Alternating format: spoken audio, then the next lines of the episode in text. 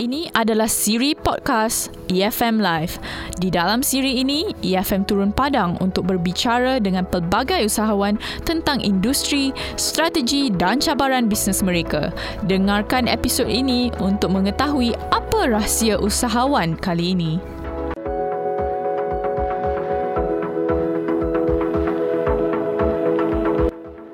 EFM The Live 24 hours radio online for entrepreneur by entrepreneurs. Hi guys, terima kasih kerana lagi masih kudara bersama dengan Mac di EFM.live.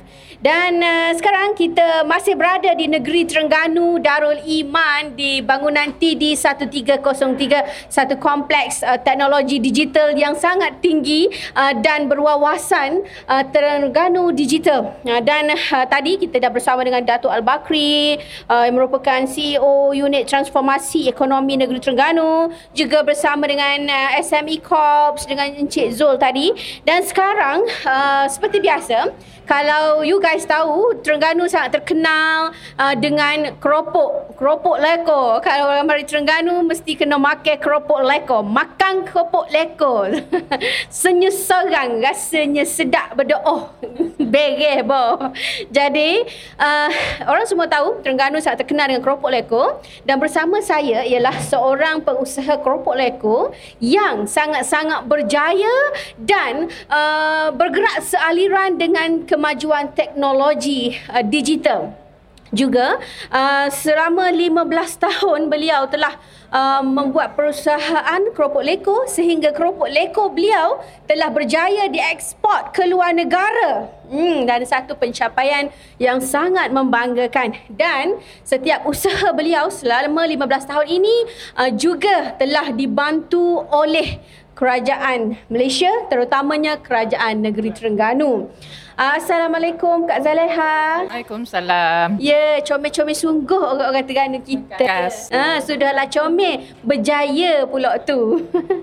Okey Kak, uh, Akak uh, seorang pengusaha keropok leko, 15 tahun sudah mengusahakannya dan sekarang sudah tahap yang lebih uh, lebih tinggi lagi improvisasi uh, akak improvise uh, uh, produce uh, keropok leko uh, dalam bentuk chips dan sebagainya ianya sungguh menarik keropok leko chips keropok leko ayam crispy leko, segera keropok, ayam ah, crispy tak segera crispy ayam. mesti crispy Ah, cheese, Ah, ya ah, crispy. dan uh, keropok ini telah berjaya sampai ke luar negara Okey, luar negara you all menyeberangi laut, okey. Jadi, uh, boleh tak cerita sikit sebanyak sejarah bagaimanakah uh, Kak Zaleha berjaya uh, dalam bidang ini? Okey, Assalamualaikum warahmatullahi taala wabarakatuh.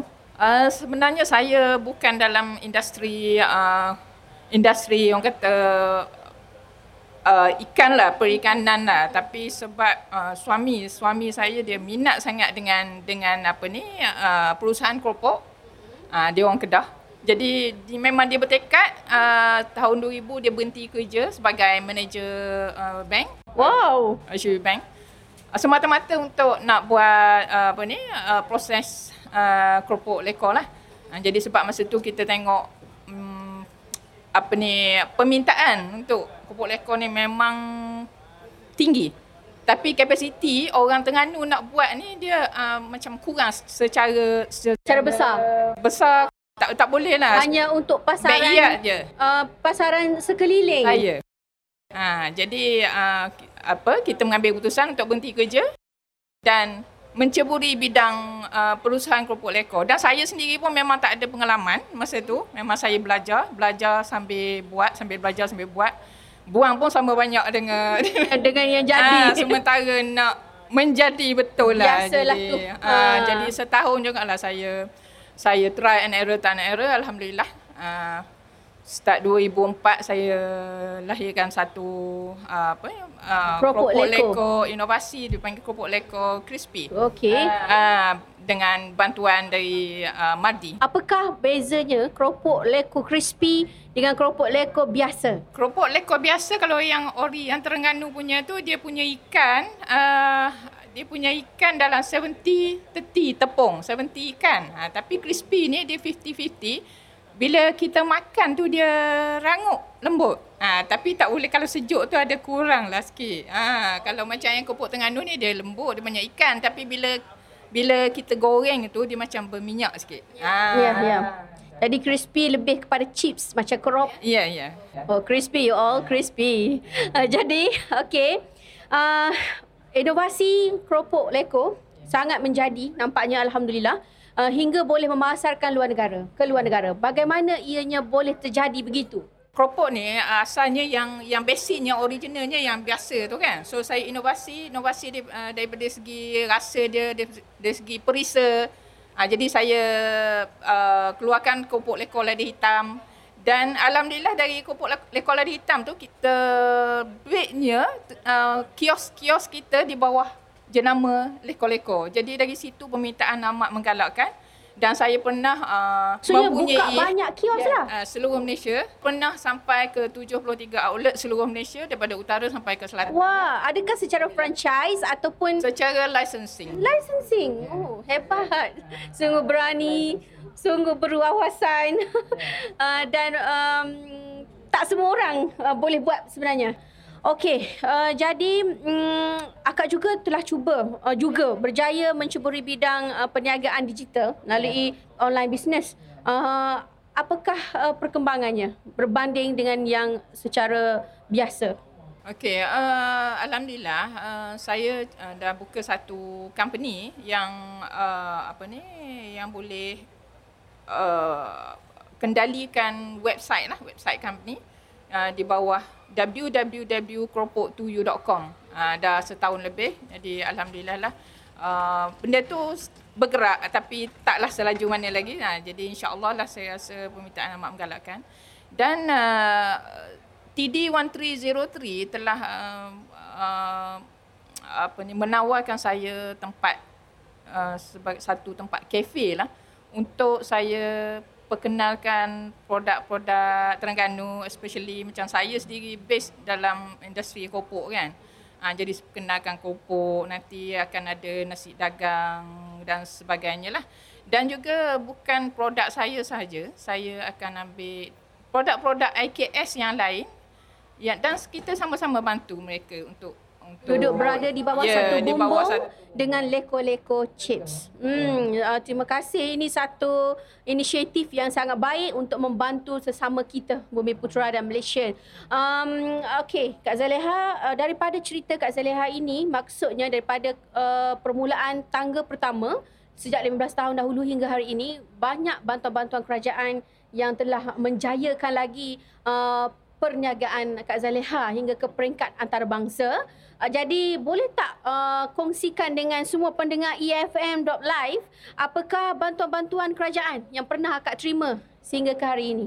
Uh, Okey, uh, saya sangat-sangat berterima kasih kepada pihak SME Corp yang banyak membantu saya dari segi uh, dari segi uh, mesin lah. Ah, saya dapat banyak saya dapat grant uh, uh, bawa Corp bawa uh, dengan bantuan mesin. Ha, juga dari segi mesin berapa harganya? Mesin kalau bawah Semikop tak tak salah saya lah lebih kurang dalam RM500,000 dah. Wow, RM500,000 setengah juta eh. Kalau kita nak mulakan perniagaan sendiri-sendiri tanpa bantuan belum tentu boleh nak beli mesin pun tak tak boleh beli dah. Uh, apa lagi nak melebarkan lagi perniagaan. Jadi kerajaan dengan bantuan SME Corp uh, membantu akak untuk menyediakan mesin yang bernilai RM500,000 uh, dan lagi melalui Velcra melalui Mardi. Mardi dari segi khidmat nasihat uh, research research and development. Uh, Yayasan Pembangunan Usahawan dari segi uh, pemasaran juga farma. Itu sangat penting sebenarnya. Jika kita ada produk yang baik tapi uh, pem- kita tak tahu macam mana nak memasarkan produk tak sampai juga uh, produk kita ke tangan pengguna. Hmm, hmm, hmm. hmm. Okey, jadi uh, TD uh, 1303 Terengganu Digital diharapkan akan lebih memajukan lagi pengusahaan uh, IKS, industri kecil sederhana serta bisnes leko-leko chips ini insyaAllah. Uh, saya juga nak tanya dari tadi lagi, ke mana luar negara yang pernah diekspor leko-leko chips ni? Uh, Singapura kita dah masuk. Uh, dan Singapura, kalau boleh masuk Singapura satu benda yang hebat. Uh, Singapura memang dah lama masuk, lebih kurang dalam dah tiga tahun lebih lah. Masuk melalui agensi dan masuk melalui company saya sendiri. Uh, jadi ada dua dua cabang lah. Uh, dan kita pernah masuk ke UK. Tapi masalah, uh, dia orang memang permintaan memang tinggi. Tapi kita ada masalah dengan uh, dia punya, orang panggil Euro, apa ya, Euro punya spek. Mm, Eurospec. Ah. Okey, macam mana boleh masuk ke pasaran itu? Macam mana? Ah, kita melalui Yayasan Pembangunan Usahawan. Yayasan Pembangunan Usahawan yang bawa. Hmm, memang penting untuk kita kolaborasi dengan agensi kerajaan sebenarnya ya. Uh, jika kita ingin melebarkan perniagaan itu itu sahaja caranya saya rasa. Uh, dan di sini uh, bersama kita uh, di efm.live uh, Kak Zaleha ada bawa satu produk terkini dan terbaru terhangat di pasaran memang viral. Leko Leko Chips Original Chicken Cracker. Uh, katanya uh, Leko Chip uh, yang chicken cracker ni berbeza daripada yang lain sebab dia adalah isi ikan yang original tapi crispy chips uh, dan ianya tidak mengandungi bahan-bahan pengawet ya. Uh, cukup sangat-sangat healthy products dan ia sungguh berbeza dan memang sedap sekali. Macam mana nak dapatkannya ni? Boleh nanti kita akan uh, sediakan di di outlet-outlet kita uh, leko-leko uh, dan juga uh, dalam proses untuk kita masuk melalui online lah. Hmm, okey macam mana kalau pengguna semua nak search uh, nak tengok online tu dekat Facebook untuk order ataupun apa kalau nak nak nak search uh, saya punya company pergi ke Sinku Food Industries. S-I-N-K-U, Sinku Food Industries. Okay, boleh search dekat Google, Sinku Food Industries untuk nak tengok produk, untuk nak order ke, untuk nak kolaborasi ke, nak duduk di bawah satu bumbung jika you all ada produk sendiri um, bersama-sama dengan Leko-Leko Chips. Uh, okay.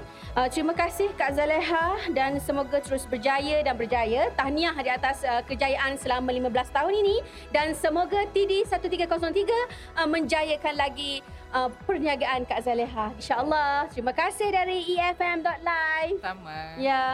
Okay, thank you guys. Kita telah sampai ke penghujung episod EFM Live Podcast kali ini. Pastikan anda mendengar episod yang akan datang hanya di efm.live for entrepreneurs by entrepreneurs.